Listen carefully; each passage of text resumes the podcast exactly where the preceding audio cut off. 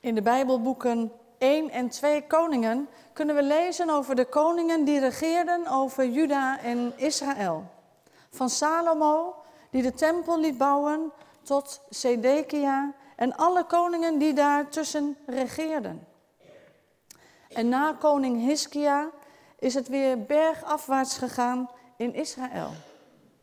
Andere koningen traden aan en ze deden wat slecht was in de ogen van de Heer.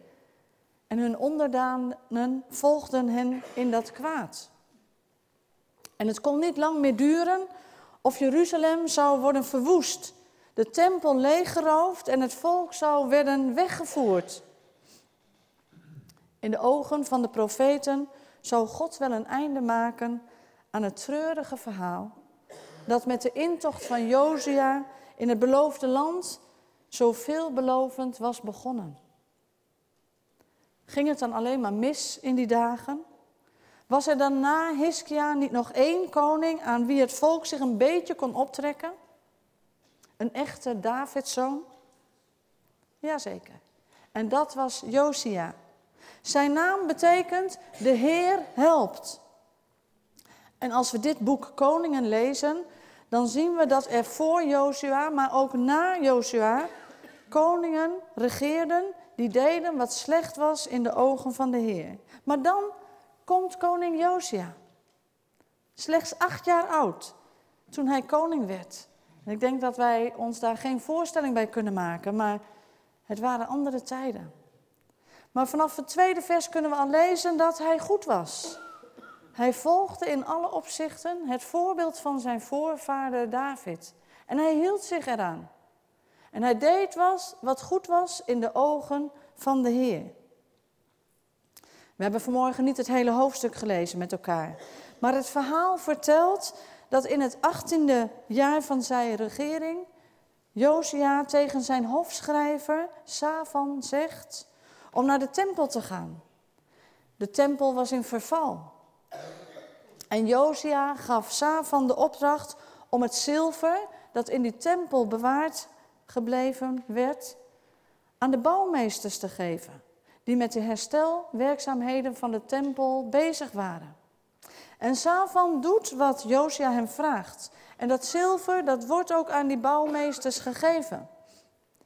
En als Savan terugkomt uit de tempel, dan heeft hij een boekrol in zijn handen. En deze boekrol met de tekst van de wet, die was gevonden in de tempel. En Savan heeft deze meegekregen van de hoge priester Gilkia. Savan leest de koning Josia voor uit die boekrol. En waarschijnlijk is dat het boek Deuteronomium geweest. Dat sinds die tijd tot de ballingschap toe de heilige schrift van Israël is geweest. En bij het horen van de tekst van het wetboek scheurde de koning zijn kleren. En het scheuren van de kleren was bij de Joden een symbool van droefheid en van rouw. Als dit van God is, wat daar geschreven staat, als dit het woord is dat God aan Mozes gaf, het woord dat Jozua ontving om gestalte te geven in een land, en als het waar is wat er wat, er, oh sorry, wat Safan voorleest, dat Israëls koning geroepen is om voortdurend in dit boek te lezen en uit te leven, dan is Israël in gebreken gebleven. En dan hebben de koningen van Israël gefaald. En dan past het om te rouwen en boete te doen en waar mogelijk het kwaad te keren. En het boek waarmee Josia het beloofde land heeft betreden, hoe kan dat nu zo in vergetelheid zijn geraakt? Josia, Josia was bedroefd en in rouw bij het horen van de tekst uit dat wetboek. En meteen gaat hij ook maatregelen nemen. Hij stuurt zijn mensen op pad om die inhoud van die boekrol te raadplegen. Want het kan niet anders zijn dat God woedend is, omdat de voorouders zich niet hebben gehouden aan wat er in het boek staat en niet hebben, hebben gedaan wat er is voorgeschreven. En zo gaan ze naar de profetes Gulda, die in het nieuwe stadsdeel van Jeruzalem woont. En Gulda geeft een boodschap mee om over te brengen. En dat was geen goede boodschap. Want het was de boodschap van de Heer. Hij zal onheil brengen over die stad en haar inwoners, omdat zij zich van Hem hebben afgekeerd, offers hebben ontstoken voor andere goden en Hem hebben getergd en de beelden hebben ze gemaakt. Zijn toren is groot en zal niet meer doven. Voor Josia zelf is de boodschap gelukkig wat beter. Josia zal in vrede sterven, bij zijn voorouders begraven worden. En hij zal niet met eigen ogen hoeven te zien hoe Jeruzalem ten onder gaat. Omdat hij zijn hart heeft opengesteld voor de woorden die hij heeft gehoord en zich nederig heeft opgesteld. Als teken van rouw had hij zijn kleren gescheurd. En als berouw voor God had hij gehuild. En God heeft goed naar Josia geluisterd. In het volgende hoofdstuk kunnen we dan lezen hoe Josia probeert om die relatie tussen God en het volk weer te herstellen. Allereerst doet hij een hele plechtige belofte om weer alleen God te dienen. En net als eerder in de tijd van Mozes en later ook in de tijd van Ezra en Nehemia is iedereen daarbij aanwezig. Mannen en vrouwen, oude mensen, jonge kinderen, priesters, profeten, kortom de hele bevolking verzamelt zich bij de tempel.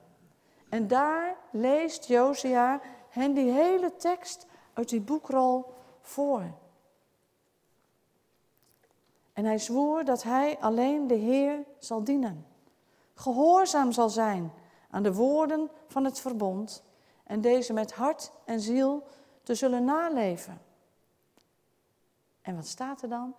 En heel het volk sluit zich hierbij aan. Prachtig. Josia voegde de daad bij het woord. Afgodsbeelden werden omvergehaald. Gewijde palen die werden tot stof verpulverd. De paarden die de koningen van Juda hadden gewijd aan de zon, die moesten veld ruimen. En heilige stenen werden verbrijzeld en priesters op hun eigen altaren geslacht, omdat ze de verkeerde goden hadden aanbid. Weg met al die goden. Alleen de Heer zullen wij dienen. Nadat de tempel en het hele land een grote schoonmaak hadden ondergaan, keerde Josia terug naar Jeruzalem. En hij gebood het volk om weer Pesachfeest te gaan vieren, ter ere van God. En een hele lange tijd was dat niet gebeurd. En zo kwam hij na wat beschreven staat in dat wetboek. Anders dan bij David leggen de schrijvers van het Nieuwe Testament niet direct verband tussen Jezus en Josia. En toch kunnen we wel wat overeenkomsten ontdekken. Want net als Jezus later zou doen, treedt Josia op tegen alles wat het vereren van God in de weg staat.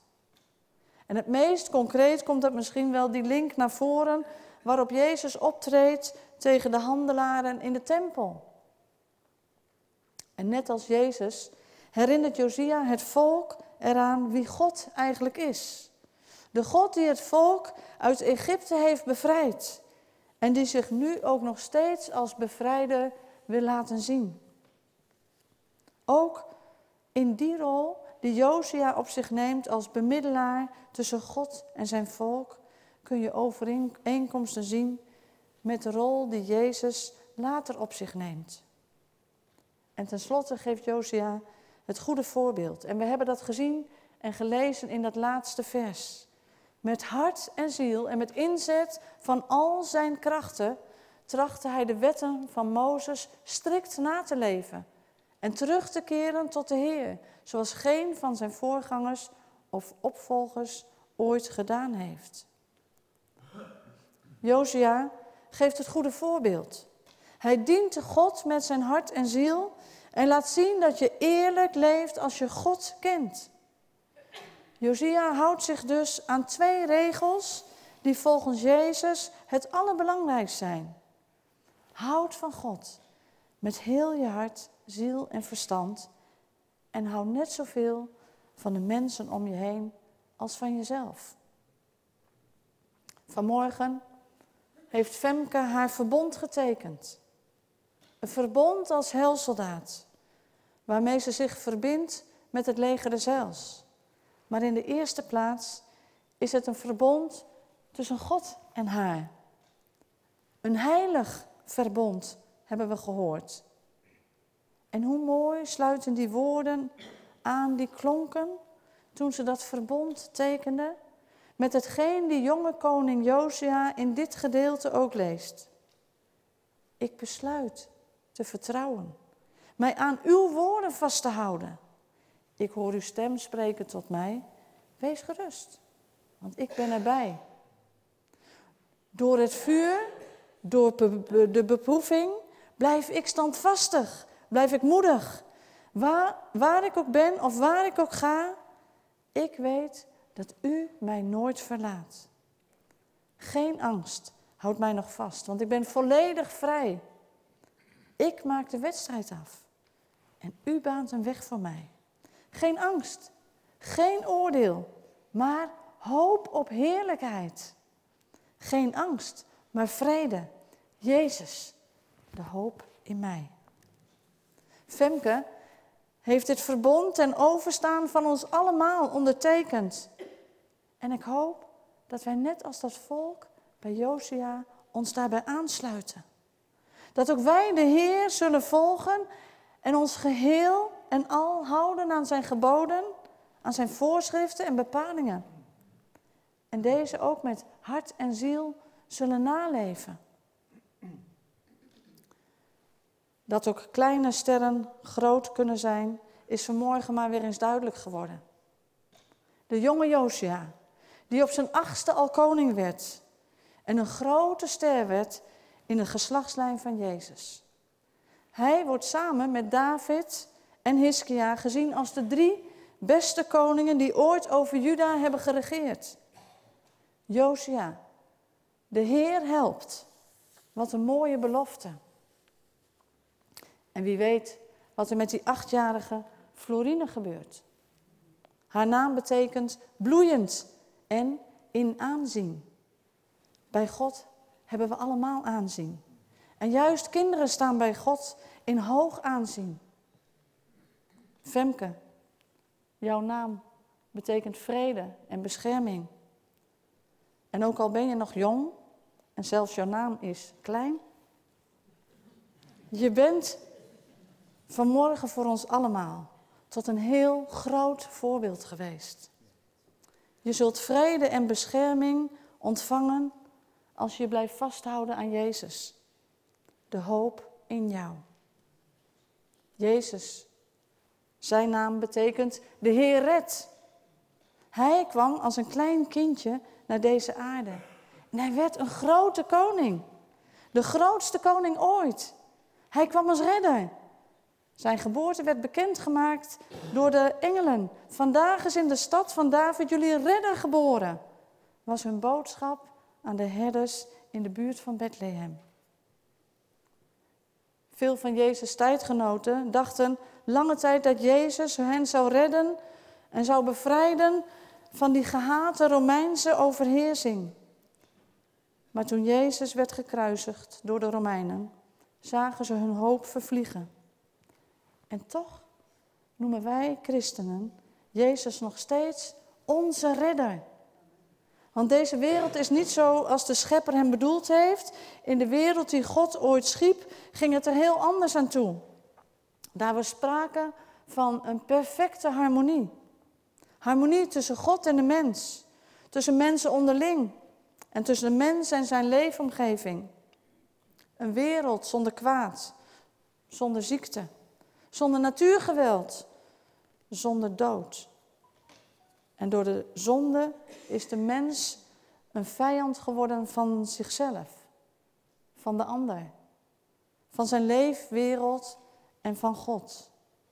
En ondanks vele verwoede pogingen redden we het niet alleen. We hebben hulp nodig. Daarom volgen wij vandaag de ster Josia. De Heer helpt. De engelen verkondigden dat hij hulp was gekomen. De reddingsactie van God was lang geleden al begonnen. En met de geboorte van Jezus opnieuw duidelijk gemaakt. Jezus, de Heer redt. En bij de geboorte van Jezus is het gelukkig niet gestopt. Het kruis was belangrijk. Een beslissend moment. Voor onze zonden is Jezus daar gestorven. Voor iedereen. En wie gelooft, aanvaardt de hulp van God. Femke heeft het gelezen in die zesde leerstelling. Wij geloven dat de Heer Jezus Christus door zijn lijden en zijn dood verzoening bewerkt heeft voor de gehele wereld, zodat elk die wil gered kan worden. Wie gelooft, aanvaardt die uitgestoken hand van God. Amen. Amen.